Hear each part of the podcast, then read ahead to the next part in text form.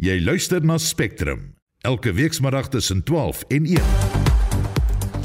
In vandag se program regter Piet Koen of Pieter Koen het 'n onttrek aan oud-president Jacob Zuma se korrupsieverhoor. Johannesburg se nuwe uitvoerende burgemeester, Tapelo Amat, word ingehuldig en verwarring oor of nog 'n tier wat uit aanhouding ontsnap het in Gauteng wel aangekeer is of nie. We have not got confirmation that she has been um, captured, nor that she is safe or where she has been taken to. Um, so at this time, we cannot give any further comment. Die span in die ateljee is redakteur Nicoline de Wee, produksieregisseur Daitrin Godfrey en ek is Susan Paxton. Daar is geen verkeer.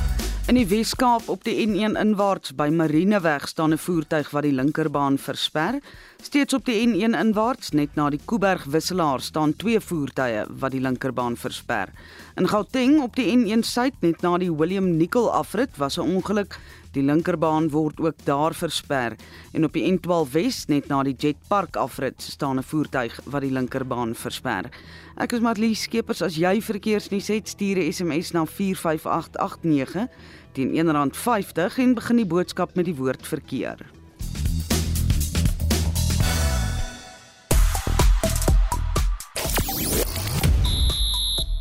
Goeiemiddag Suid-Afrika. In sportnuus vanmiddag, die Proteas beklink die eendag reeks teen Engeland in Bloemfontein. Die Blitsbokke eindig as naaswenners in die Sydney Sevens toernooi. En die tennisster Novak Djokovic is weer nommer 1 op die wêreldranglys. Meer sport volg bietjie later. Ex Christo Gawie vir RSG Sport. Die hitsmerke Another Tiger, Edenvale, Sheba en Tiger is gewilde gonswoorde op sosiale media platforms. Dit volg nadat iemand vanoggend 'n tier gewaar het in Edenvale in Ekurhuleni. Daar is berigte dat die tier gevind is, gesedeer en gevang is, maar daar is egter nog onsekerheid daaroor en dit kan nog nie bevestig word nie.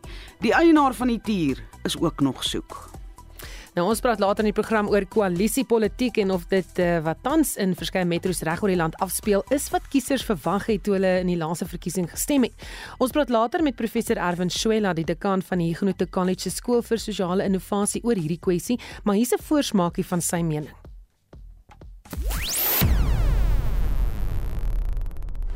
Spectrum, jou middagnuusprogram op RSG. By kan 7 minute oor 12 ons was nog besig om te praat oor ons vraag wat ons jou vraag vandag en uh, vandag vra. En dit lyk vir my nie ons het daai klank van 'n uh, professor Swela nie maar ons gaan bietjie later met hom gesels daaroor. Maar ons wil ook by jou weet as jy terugkyk oor die gebeure in metro's die afgelope ruk waar koalisies heers is dit waarvoor jy gestem het? En as jy weer moet stembus toe gaan sal jy weer dieselfde stem uitbring. Stuur 'n SMS na 45889 teen R1.50 per boodskap of jy praat saam op die Monitor en Spectrum Facebook bladsy of laat uh, hoor jou stem vir ons 07653666961. Intussen regter Pieter Koen het hom vroeër vanoggend onttrek aan oud-president Jacob Zuma se korrupsieverhoor. Koen het in die Hooggeregshof in Pietermaritzburg gesê dit is in die belang van geregtigheid dat hy hom aan die saak onttrek. Zuma se regspan het aangevoer dat Koen nie objektief is teenoor die staatsanklaer Billy Downer se voortgesette betrokkeheid by die saak nie. Ons praat nou hieroor met 'n strafregkenner aan die Universiteit van Pretoria, Dr. Llewellyn Kloos. Goeiemôre Llewellyn. Goeiemôre. So regter Koen het nie sy volledige redes uiteengesit nie, maar slegs 'n opsomming gegee. Wat is jou reaksie op hierdie besluit van hom? Ja, kyk, ek dink nie dit is nodig dat die regter volledige uitgebreide redes gee vir sy besluit nie. Die die die die punt is hy het 'n diskresie uh om uit te oefen en wanneer hy voel persoonlik dat hy gekompromiteer is of dat daar miskien die persepsie bestaan dat hy nie meer objektief is in 'n saak nie, dan het hy 'n verpligting uh om natuurlik homself te rekusseer met ander woorde te onttrek van die saak. Uh jy sal onthou in Oktober verlede jaar het hy ehm um, was daar aanduidings gewees dat uh moes hy uitspraak lewer op op op 'n spesiale pleit. En in daardie spesiale pleit wat ons na verwys in artikel 106 van die strafproseswet, moes hy kant kies teen uh of vir Billy Downer toe daar toe dieselfde min of meer argumente voor die hof ge, gehou is. En daai het hy homself uitgelaat uh teen uh, Zuma en gesê hy dink nie daar's 'n sterk saak teen Billy Downer nie.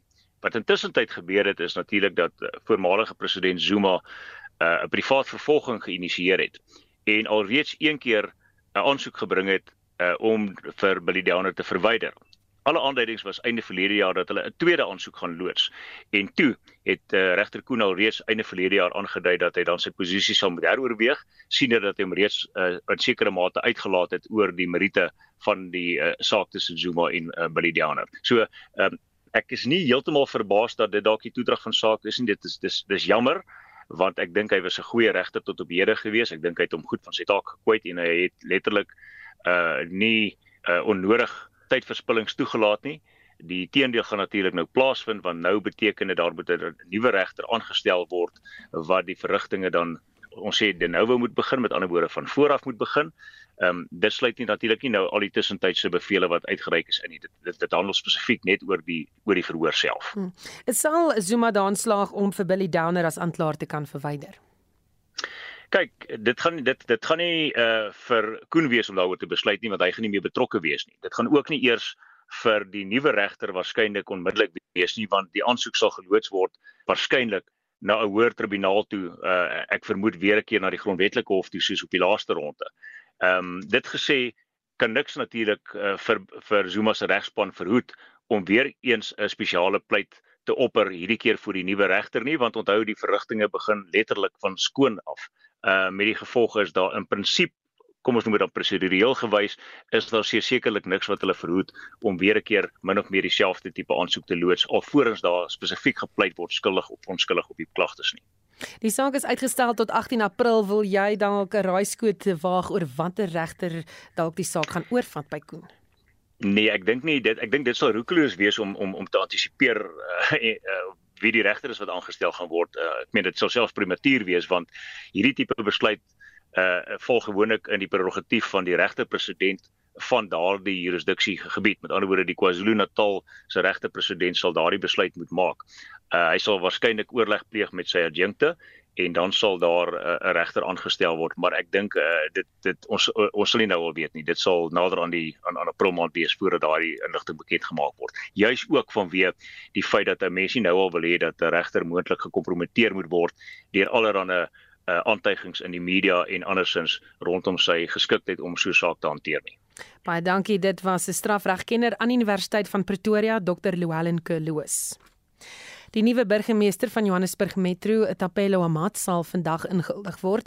Dit nadat die DA burgemeester in Popalatsi verlede week uit die kussings gelig deur drie mosies van wantroue. Dit werp egter 'n skadu op koalisiepolitiek want terwyl die politieke partye vir beheer oor die metro spook en spartel, bly dienslewering in die slag. Ons praat nou met professor Erwin Swela, hy's 'n uh, die dekaan van die Huguenot College Skool vir Sosiale Innovasie. Goeiemiddag Erwin. Middag Susan, middag luisteraars. Nou soos die politieke stelsels se tans in die wetboeke geskryf staan, laat dit leemtes vir politieke partye om die stelsel so te sê te misbruik vir hulle eie gewin, sodat dienslewering dan nou nie gebeur nie.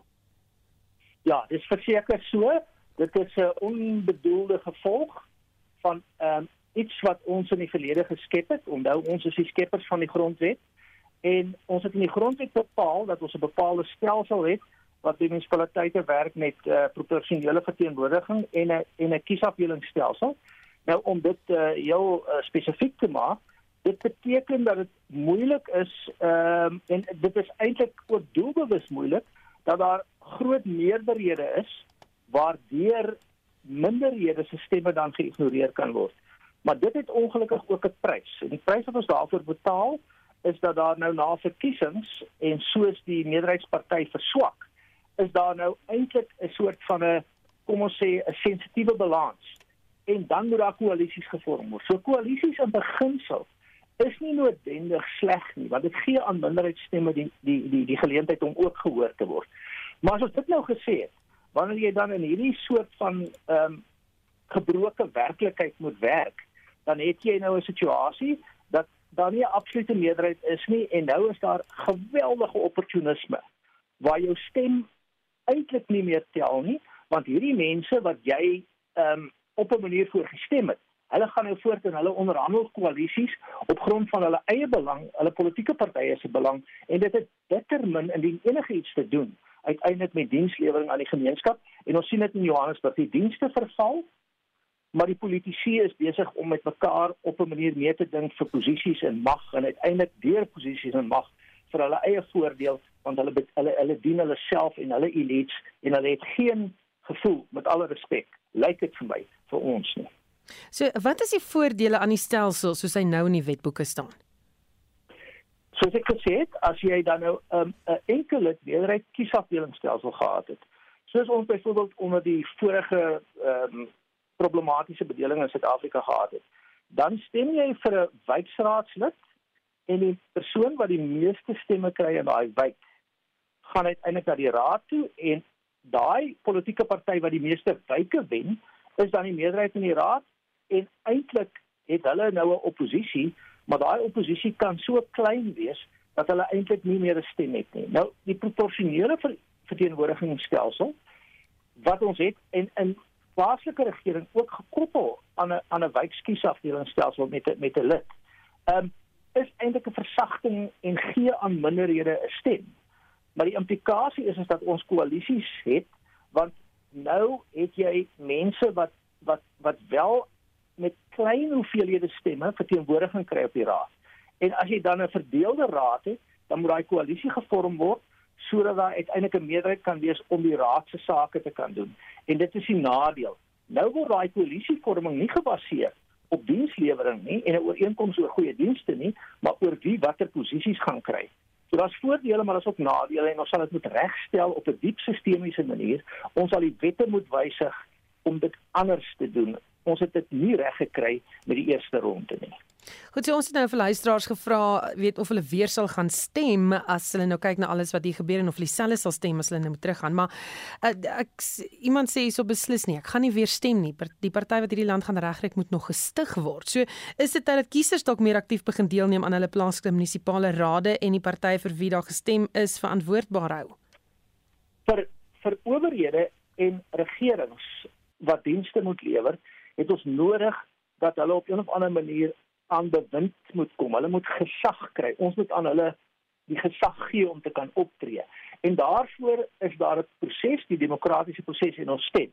So as ons nou nie gaan stem nie, gaan ons verseker nie beter alwees nie. Ons kan net slegter alwees, want die implikasie is dat die mense wat wel gaan stem, gaan uiteindelik uh nie ons siening ook verteenwoordig nie. So ons kan 'n uh, 'n soort versagtende ehm um, impak hê deur te stem.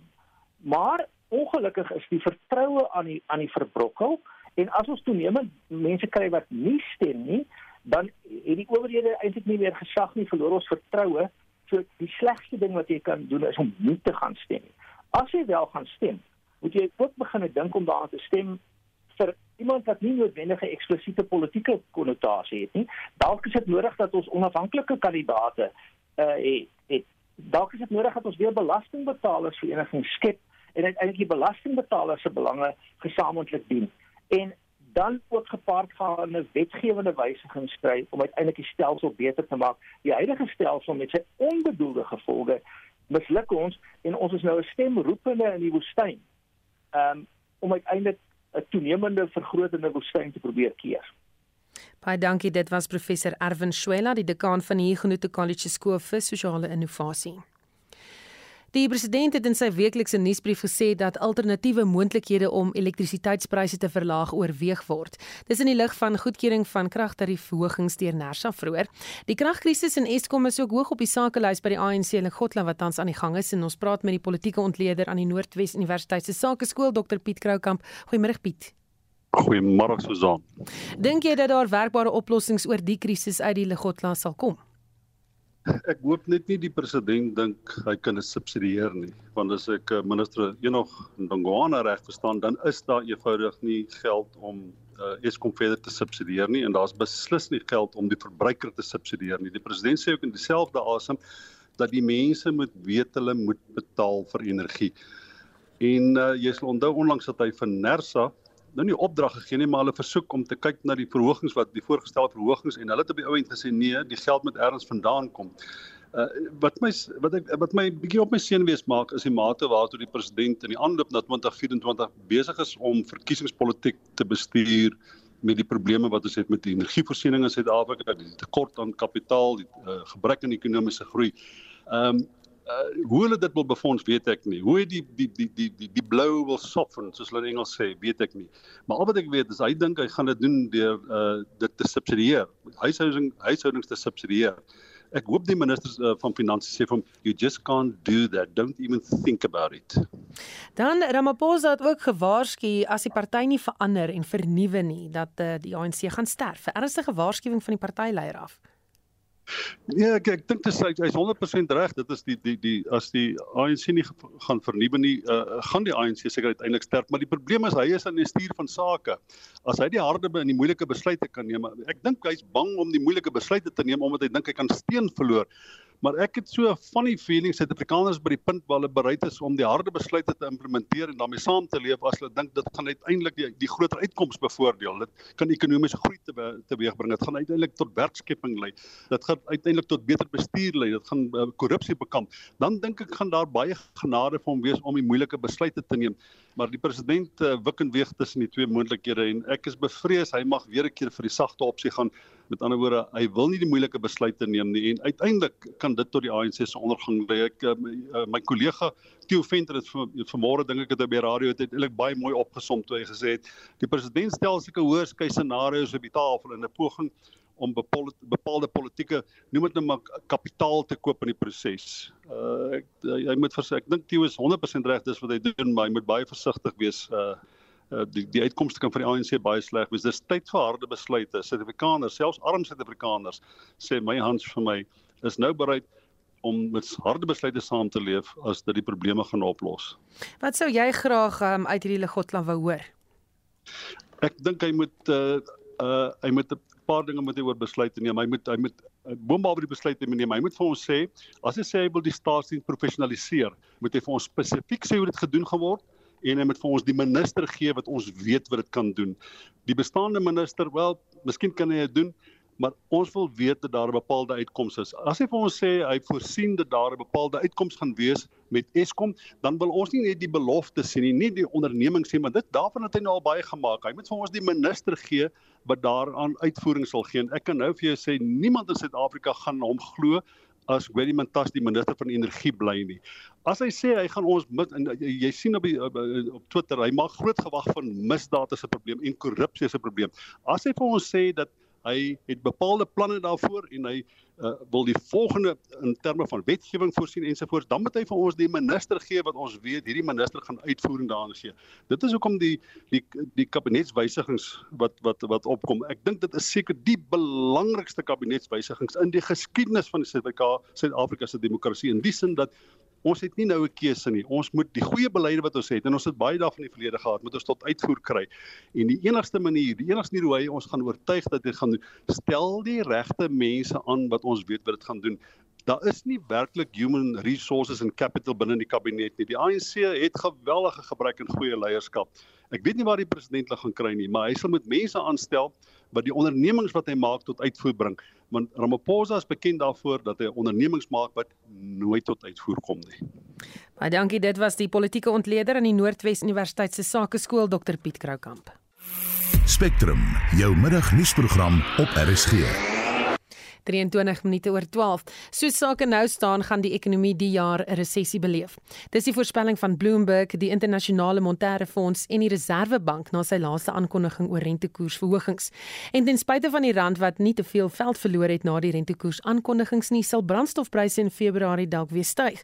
Ons praat nou met die ekonom van Sequoia Capital Management, Dr. Chris Harmse. Goeiemôre Chris. Môre Susan, môre luisteraars. Die uh, resessie, is dit die beerdkrag wat sy tol eis? Uh, ja, tot 'n groot mate. As jy nog kyk na die ontledings wat gedoen is, daai selfe ekonome die IMF het ook die Bloomberg se ekonome sê dat ons het nou 'n 45% kans om in 'n resessie in te gaan as gevolg van beerdkrag. Hoe doen we oorsaak? Uh en hulle projekteer ook natuurlik dat en dit het die Reservebank gebring dat die ekonomie 2% uh, punte laer gaan groei as wat aanvanklik die vooruitskatting was voor ons na vlak 6 toe gegaan het. Met ander in die laaste 6 maande.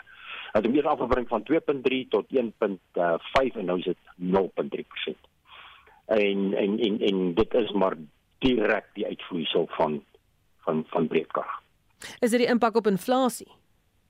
Ja, dis ekskuus, dis die impak op ekonomiese groei. Ja. met ander woorde van 2.3 wat aanvanklik 6 maande gelede vooruit geskat is vir hierdie jaar ekonomiese groei, is nou af na 0.3. Maar dan as jy afkom van 2.3 na 1.3, beteken dit een of ander tyd gaan een van hierdie twee kwartale of ten minste twee kwartale gaan ons ekonomiese uh, negatiewe ekonomiese groei en dis hier is. Hmm, ek kan vir sê dis dan nou glad nie enige ekonomiese groei nie. Brandstofpryse ja. is dit nou 'n weerspieëling van wat hier aan die gang is want daar was dan nog 'n kans dat brandstofpryse sou draai in daal. Ja, daar was, daar was. As as ons presies 'n maand gelede gevat het, het ons wel gesien presies dit dat uh soos jy sê ons het uh uh drie weke gelede nog sou ons hier by die R1.80 minder vir diesel betaal het en so ehm um, uh R1.10 minder vir petrol. Intussen het twee goed gebeur. Uh die internasionale prys van olie het ongelukkig weer begin te styg. Ek dink dit is weer die oplewing in Oekraïne en Amerika het aangekondig dat hy se koue bietjie met reserve. So dit was ook 'n bietjie teen ons. Maar dan het die wisselkoers het redelik begin verswak. Uh sedert uh, 'n maand gelede. Ons het was nog gewoond aan vlakke van onder R17. Hy was R17.80 en uh, die wisselkoers bly nou daar tussen R17 en 10 en R17.20. En ons het veral natuurlik gesien Vrydag na die rentekoers uh, aanpassing dat die uh, uh dat die wisselkoers wel verstewig verswak het na iets in die 20 die 21 toe kombinasie van daai twee sê nou dat ons gaan 52 sent meer betaal uh, vir diesel en so 71 sent meer vir petrol. En ek het 'n vermoede die aankondiging wat gaan kom gaan tot hierdie die hierdie prys insluit want hierdie is die oor onderverhaling vanaf die vorige dag se aankondiging die 29 uh, Desember uh, tot nou die 26ste Januarie. So dit is die die waar die sentrale energiefonds dit gemeet het en dit lyk vir my so 771 sent vir petrol en 42% vir diesel. Baie dankie, dit was ekonom van Sequoia Capital Management Dr. Chris Harmse. As jy 'n sonpaneelstelsel het en tuis jou eie krag opwek en batterye volhou, dan kan jy reeds oortollige krag in die kragnetwerk terugstoot. Die elektriese navorsingsingenieur Vorre van Skalkwyk en die hoofopleier en bestuurder by die Sonkragopleidingsentrum sê, die nasionale energiereguleerder van Suid-Afrika of NERSA het klaar 32 munisipaliteite goedgekeur om krag te ontvang en jou daarvoor te vergoed, maar die skepers het meer. Voordat kan jy vir ons vinnig die name gee van die munisipaliteite of metros wat deur Nersa geakkrediteer is om jou te vergoed vir die lewering van jou oortollige krag? Marlies, ek lys hulle graag. Dit is uh City of Tshwane, Tygerriep, Witzenberg, Kapagallis, Govan and Becky, Gasse Jonge, Dana, City Power, Mosselbaai, Drakenstein, Hessequa, Langeberg, Emelashleni, Saldanha Bay, Nyasa, Koga, eThekwini Metro, Matsikama, Bitou, Oorstrand, Buffalo City, Nyagamandela Bay, Mafuba, Bredevallei, City of Mbombela, George, Tweewaterskloof, Stad Kaapstad, Ephraim Mogale, Beaufort West, Swartland, Oudtshoorn en Cederberg. Wat is die bedrag wat hulle vir jou sal terugbetaal of hoe sal hulle jou vergoed? Waarop dit neerkom is as jy 'n sonkragstelsel installeer wat goedgekeur is en voldoen aan hulle vereistes en jy die regte meter geïnstalleer en jy sit in 'n situasie wat jy meer opwek as wat jy gebruik, dan kan jy daai sonkrag wat jy nie gebruik nie terugstoot in die netwerk en dan word jy gekompenseer vir dit in die vorm van 'n uitvoertarief. Nou hierdie uitvoertarief is, is gemiddeld in die omgewing van 75 sent.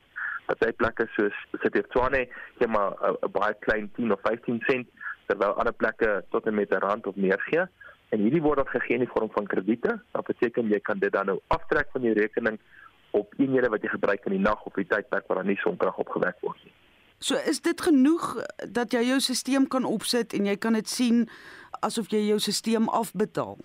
Die meeste sonkragstelsels word gefinansier of geïnstalleer op grond van die interne besparing wat jy maak. So dis beter om die eenhede of die sonkrag direk te gebruik want die waarde daarvan is baie hoër. Jy gebruik dit teen R80 of R2 of selfs meer 'n eenheid as wat jy terugstoot teen 'n laer tarief. So wat wel gaan gebeur is jou besparing is klap bewerkstellig op grond van jou huidige verbruik. Maar dit wat jy nie gebruik nie, kan jy terugstoot en dit gee vir jou dan 'n addisionele besparing. Wat beteken jy gaan jouself wel dan vinniger afbetaal en jy kry dan ook so groter voordeel uit jou sonkragstelsel uit. En dan dis nie vergeet nie, elke eenheid wat in die netwerk teruggestoot word, help ons netwerk dan in die konteks van ons groot energiebehoeftes wat ons tans het. Wat is die vereistes waaraan jy moet voldoen om die krediete in die hande te kry? Goed, so die eerste ding wat belangrik is is dat voordat jy begin met die installasie, wil jy eintlik klaar kontak maak met jou plaaslike regering of munisipaliteit.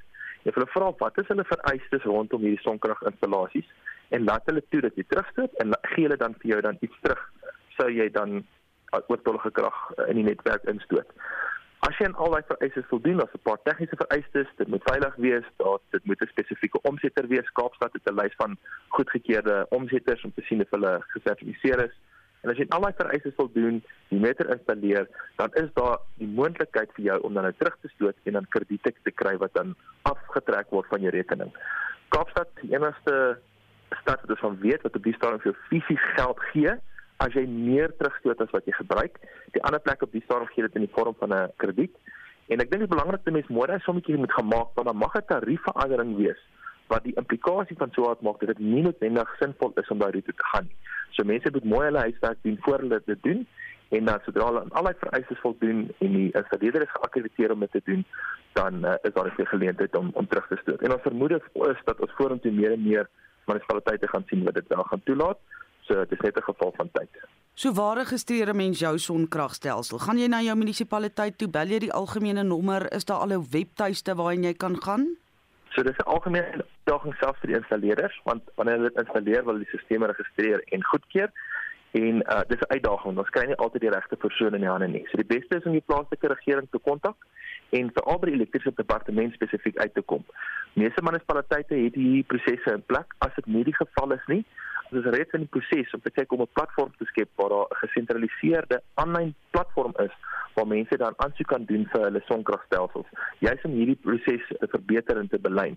So, maar vir nou, beste is skakel jou plaaslike munisipaliteit, kyk of jy by die elektriese departement by die persoon uitkom wat spesifiek met die sonkragstelsels werk. Moet jy nie een of ander spesiale masjien, ek weet jy het nou gepraat van 'n omsetter, weet om jou krag terug te lewer of hoe werk die vloei van elektrisiteit van jou huis af terug na die netwerk toe? Goed, dit is 'n goeie vraag. So wat gaan gebeur is, sonkragstelsel wat jy installeer, installeer jy op jou bestaande elektriese infrastruktuur en die krag wat hy opwek word eers plaaslik gebruik. So hoe dit normaalweg werk is, is dat Eskom is nog steeds jou hoofbron van energie En as daar sonkrag is, gebruik jy eers die sonkrag en as jy nog steeds iets nodig het dan vir Eskom. In die geval waar jy dan meer krag opwek as wat jy nodig het, dan kan jy die stelsel opstel om dit dan nou terug te stoot in die netwerk en daarvoor word jy nou gekompenseer. Nou ek moet dit jou sê, nie alle sonkragstelsels doen dit nie. Dit is spesifieke sonkragstelsels en dit word hoofsaaklik bepaal deur die tipe omsetter wat jy het. So as dit 'n omsetter is, as plaas van 'n embedded generator, hy kan sinkroniseer en hardloop saam met Eskom, dan sal hy op dieselfde infrastruktuur wat vir jou krag voorgegee word, sal dit dan die krag terugstoot in die geval waar jy nou meer opwek as jy nodig het. Wat belangrik is, die stelsel moet goedgekeur word en die stelsel moet 'n omsetter hê wat NRS 097-1-2-1 gesertifiseer is en dit sal jy dan toelaat om daai krag terug te stoot met die regte kragkwaliteit en die regte veiligheidsvereistes. Voor jy waar kan 'n mens nou weer gaan kyk om hierdie inligting te kry van is hierdie mense geregistreer wat jy nou wil gebruik om jou sonkragstelsel in te sit? Goed, so daar's 'n webtuiste wat ons mee saamwerk, die maatskappy se naam of die die NPO, 'n nuwe winsgewende organisasie Sustainable Energy Africa het op hulle webtuiste verskeie bronne rondom hierdie onderwerp. Onder andere die lys van munisipaliteite wat toelaat dat jy terugvoer, munisipaliteite wat prosesse in plek het en munisipaliteite wat dan vir jou moontlik iets kan gee in in ruil vir die krag wat jy terugstoot. So die webtuiste se naam is www.sseg.org.za en daar kan jy ook dan enige ander bronne of inligting kry van uh, rondom hierdie tipe stelsels wat vereis word. Dit is 'n bietjie meer georiënteer vir munisipaliteite, maar daar is inligting vir verbruikers ook beskikbaar. En dit was die elektriese navorsingsingenieur Fore van Skalkwyk. Hy's ook die hoofopleier en bestuurder by die Sonkragopleidingsentrum en Marlies Skeepers het met hom gepraat. Jy luister na Spectrum elke weekmiddag tussen 12 en 1. Regskenners meen die onttrekking van regter Koen van Jacob Zuma se korrupsieverhoor behoort nie verdere vertragings te veroorsaak nie. Johannesburg se nuwe burgemeester sê hy word nie gijslaar gehou deur groter partye nie en die jongste cricketnuus en ander sport net hierna bly ingeskakel. Daar is geen verkeer. KwaZulu-Natal daar staan 'n voertuig op die N2 Noord net voor die Umhlanga wisselaar. Die linkerbaan word versper. Gauteng op die R24 Wes net na die Elektron wisselaar was 'n ongeluk waarin verskeie voertuie betrokke is. Die regterbaan word versper. Op die N, op die N3 noord net na die Kalulies wisselaar staan 'n voertuig wat die linkerbaan versper. En dan in die Wes-Kaap, daar staan 'n voertuig op die N1 uitwaarts by Platte Kloof weg. Die linkerbaan word ook daar versper. Ek is Marlie Skeepers en dit was die middagverkeersverslag op Spectrum.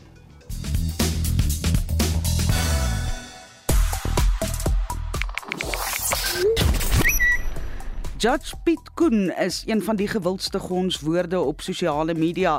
Die regter het homself onttrek van die Jacob Zuma wapenskandaal saak. Ene Letaba sê onder die hitsmerk, nou gaan die saak net nog langer uitgestel word totdat 'n nuwe regter gevind kan word en die homself eers moet ingrawe in die dokumente en bewyse. Nee wat, die oud president sal lankal die huidige vir die ewige verruil het en nooit op aarde verantwoording doen nie. Nou ons het vroeër gepraat oor koalisiepolitiek en hoe dit tans in verskeie metros reg oor die land afspeel en is dit wat kiesers verwag het toe hulle in die laaste verkiesing gestem het. Professor Erwin Schwela, die dekaan van University College Skool vir Sosiale Innovasie, is se mening.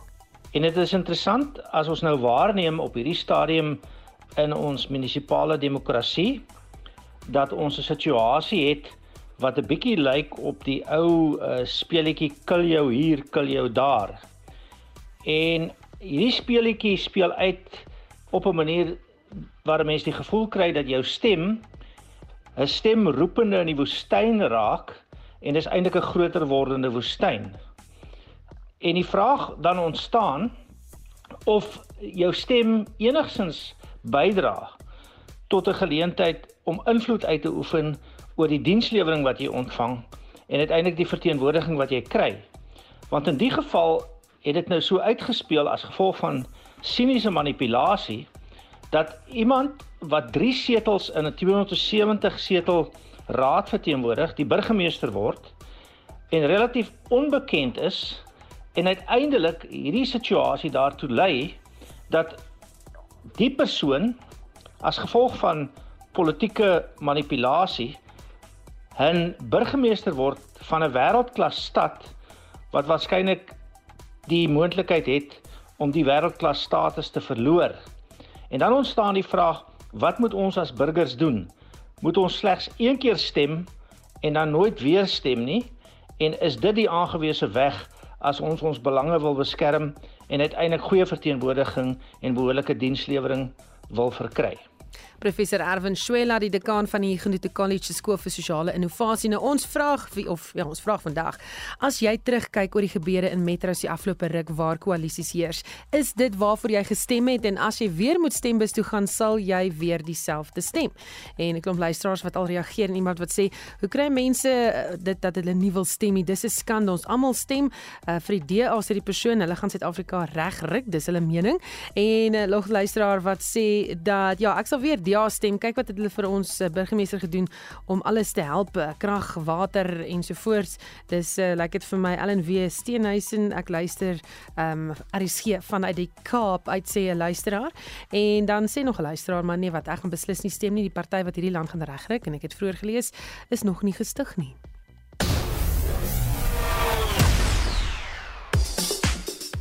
Tyd vir sportnuus met Christo Gawie.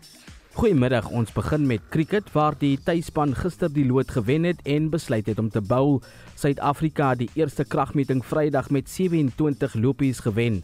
Gister egter het die kaptein Themba Bavuma se derde eendag 100tal die platform gestel vir die oorblywende kolwers om aan te gaan waar hy opgehou het en die teiken van 343 lopies af te jaag. 347 vir 5 is aangeteken en die wedstryd is met 5 paaltjies beklink. Suid-Afrika het die hoogste suksesvolle jagtog in Bloemfontein voltooi en hulle derde hoogste in die formaat om die reeks teen Engeland te wen.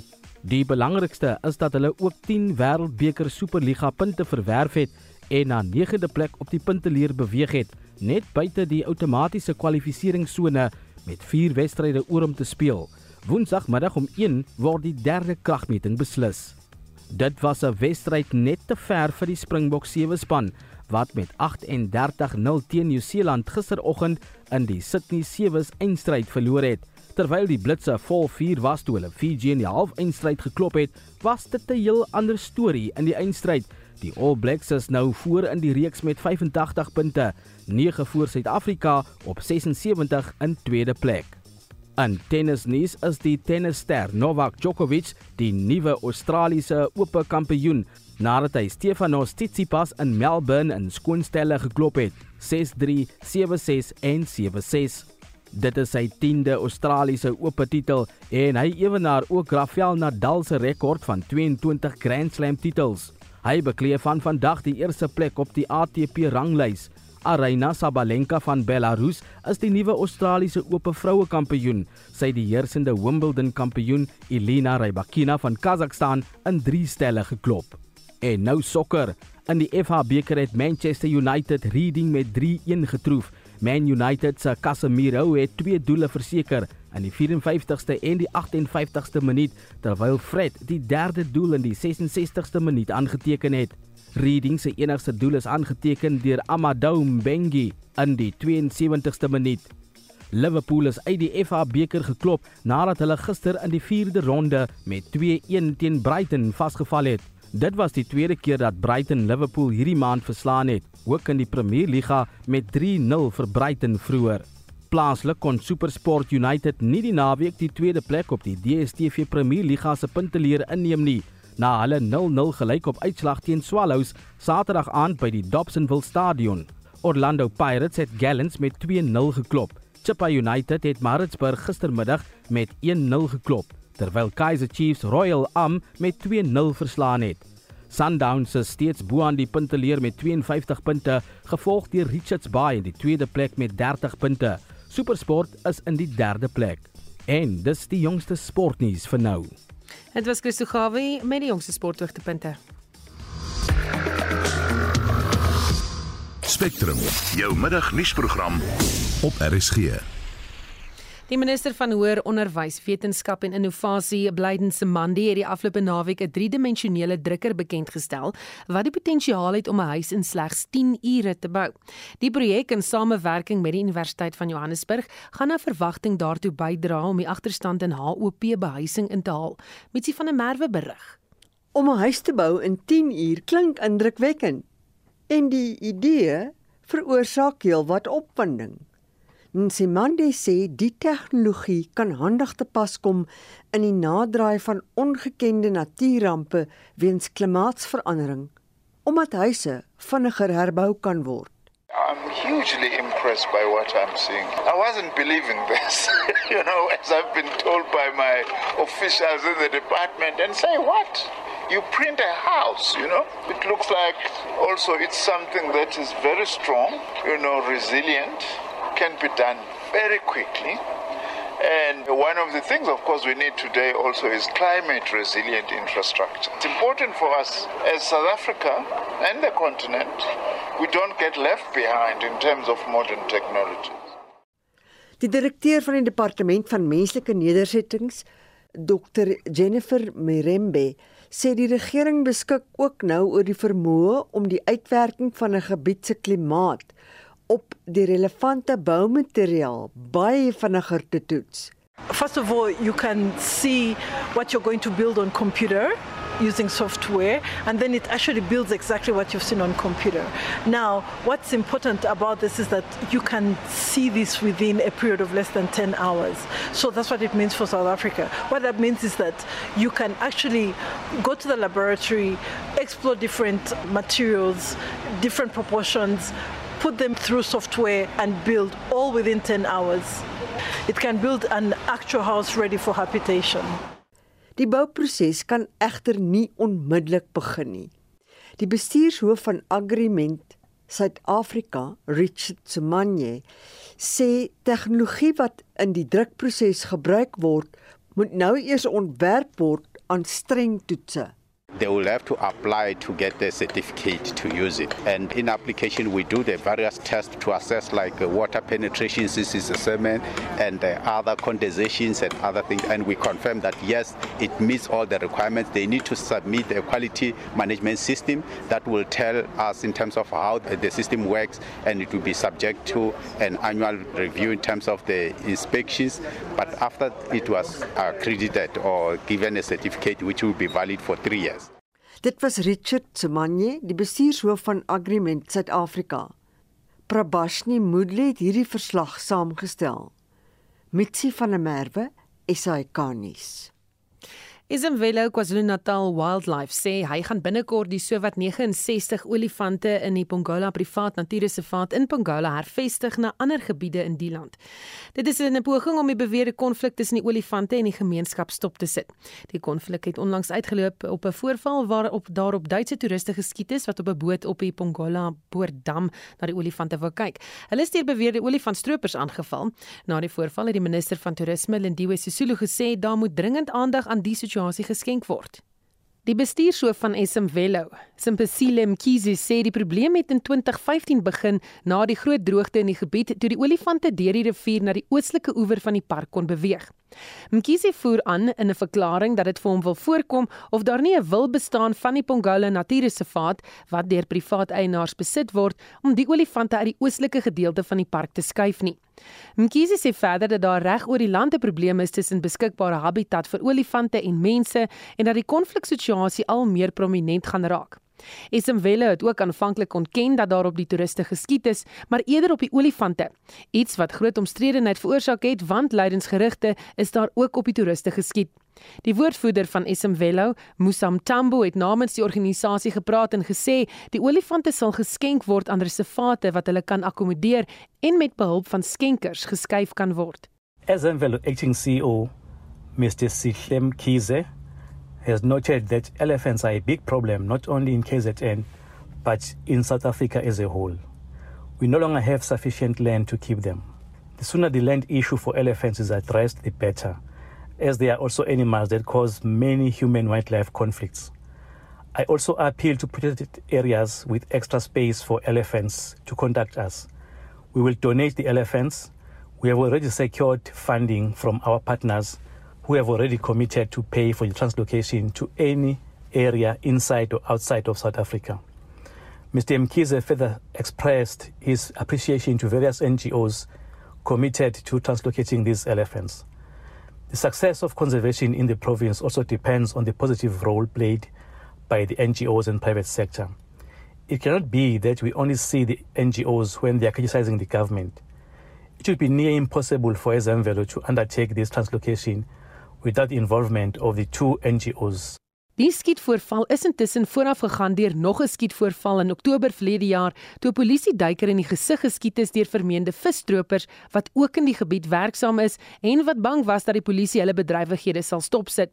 Die duiker was besig om na liggame te soek na 'n boot aan die brand geslaan het op die Pongola Poortdam.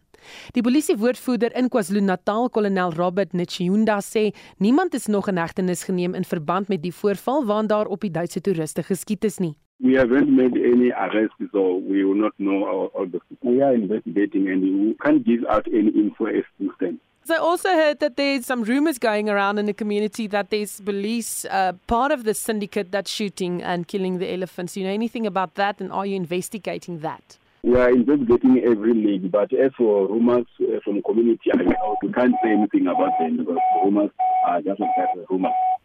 En dit was 'n polisiewoordvoerder in KwaZulu-Natal, kolonel Robert Nechunda. Maar die verklaring deur die polisie is egter baie vreemd, sê Pieter Renard, voormalig voorsteur van die Elephant Working Group in KwaZulu-Natal. Renard sê almal weet wie die syndikaatlede is en dat daar gerugte is van 'n polisielid wat betrokke is hierby. Die private eienaars wou nie met my praat nie weens vrese vir aanvalle op hulle lewens en intimidasie. Maar Renard sê hy bly nie meer daar nie en kan openlik praat. Hy vertel 'n heel ander storie oor gebeure daar as Esimvelo en die polisie, maar sê dat mense eers die geskiedenis van die gebied moet verstaan om sin te maak van gebeure nou. You've got to keep it in mind that there's a private protected area, government, South African Provincial Conservation Authority protected area, around into a Eswatini private protected area, and back across the border, back to a KZN wildlife control protected area. The elephants were originally introduced by Pongola Game Reserve, and Pongola Game Reserve is the legitimate owners of those elephants. And for obviously many, many years, those elephants moved around in Pongola Game Reserve. There wasn't a problem. However, the border or the boundary that separates Pongola Game Reserve from Pongola Nature Reserve west is the Pongola River, which flows into the Pongola Poort Dam. Now, that is unfenced on both sides, so both on the southern and the northern side of the river. And obviously, with the ex- extensive drought that was in KZN in like from 2015 to 2017, those elephant from Pongola Game Reserve uh, started to wander across the Pongola River because they could, because the water levels were that low. And they started to venture into Pongola Nature Reserve. And eventually they ventured into the Royal Jazini Big Six in Eswatini. And in fact, uh, quite a large group of them actually took up residence in the RJ Big Six. It obviously was an area that hadn't been utilized by elephant for many years. There weren't other elephant there, and it was obviously a safe area for them. And that went on for a number of years, well, a number of years, probably two or so, two and a half maybe. And then I think it was in 2017, without anyone's knowledge in South Africa, so on the South African side of the border between South Africa and Eswatini, a helicopter chased a group of the elephants, so not all of the elephant, but a group of the elephant in Eswatini back into South Africa. But unfortunately, for some reason, unbeknown to everyone, because to this day nobody knows who that was or who authorized that flight, those elephants ended up on the eastern side of the dam instead of on the western side of the dam, which is where they came from originally. Renard verduidelik dat die gemeenskap lankal weet van die olifante, maar nog nooit voorheen 'n probleem gehad het met hulle nie tot nou. However, you know, what had been happening in the meantime and, and probably occurring before the elephant were even in that area was that there was a whole lot of illegal cattle that were grazing on Pongola Nature Reserve East. And obviously, the presence of elephant there all of a sudden didn't make those elephant owners or, or community members overly happy. There was a number of discussions and meetings, etc., that were held. But effectively, the problem was that with the Eswatini government and the permitting authority not allowing anyone in South Africa to push the elephant back around the top of the dam through Swaziland or through Eswatini rather, those elephants were literally stuck where they were. So they were stuck against the Eswatini border on the one side, the Lebombo Mountains on the other, and the dam on the front end. They couldn't go anywhere. And that in itself presented a massive management challenge because even if the decision was taken on the South African side to want to move those elephants, which I think was immediately seen as a requirement, there was no way to practically achieve it, given the fact that big game parks in Eswatini wouldn't allow uh, that to happen. You know, an, an exercise like that to take place. Renard sê die grootste probleem hier is die feit dat SMWelo nie die park daar behoorlik patrolleer nie. Renard sê die voorval is 'n bewys van 'n groter probleem in die provinsie en dat as die probleem nie aangespreek word nie, dit kan lei tot meer mense wat seer kry of self sterf. I mean the community were unhappy about the fact that the elephant were there from the time in 2017 when they were pushed in there. And then for many years there wasn't actually a problem, but like I said, in the meantime the illegal grazing of cattle, movement of cattle, whatever it is, was taking place all the time. I think the biggest issue there is that despite the fact that it's part of a proclaimed nature reserve that falls under KZN Wildlife's control, for many, many, many years, there have not been any KZN wildlife staff present on that piece of, of the reserve on a permanent basis. And they simply don't have the capacity and the manpower to be able to place people there, certainly not at this stage. But even years before, this was already a constraint. So there was nobody that was there that was effectively implementing the law. And whatever took place there from a community perspective with cattle owners or whatever it is, effectively it became a, a takeover and nobody to counter it. En dit was Pieter Naat, voormalige voorsitter van die Elephant Working Group in KwaZulu-Natal. Volgens koerantberigte is die tier wat vroeër in Edenvale ontsnap het, weer gevind en na 'n plek van veiligheid geneem. Gary Wilson van die sekuriteitsmaatskappy SWAT SOS 24/7 het aan Spectrum gesê dat die tier wel gevang is deur 'n veearts en na 'n plek van veiligheid geneem is. Hy kon egter nie sê wie die veearts was wat die dier glo sou gevang het en na 'n plek van veiligheid geneem het nie. Die dierebeskermingsvereniging in Edenvale wat deel is van die soektog na die tier het intussen gesê hulle het nog geen bevestiging gekry dat die tier wel gevind is nie. Jade Nel van die Edenvale DBV sê hulle ondersoek na of hulle ondersoek na die voorval duur voort. We cannot confirm the capture of the tiger that was spotted in the Edenvale area. As far as we are concerned, we have received a lot of conflicting information. Um, our teams that were on site, our SPCA inspectors and other staff members, as well as media and um, other animal authority personnel, we have not got confirmation that she has been um, captured, nor that she is safe or where she has been taken to. Um, so at this time, we cannot give any further comments, but as soon as we have the right information, we will um, give out that information for everybody just to be sure that she has been kept safe um, wherever she is. And we will do a full investigation as to what the circumstances were and what the future is for this tiger. En dit was Jade Nell van die Edenvale DBV. Nou daarmee groet die Spectrum span. Onthou vorige uitsendings van al ons nuus as nuusaktualiteitsprogramme is as 'n potgooi op rsg.co.za beskikbaar. Ons genoem is uitvoerende regisseur Nicoline de Wet, sy is ook ons redakteur vandag. Die produksieregisseur is Daitrin Godfrey. My naam is Susan Paxton, bly ingeskakel vir 360.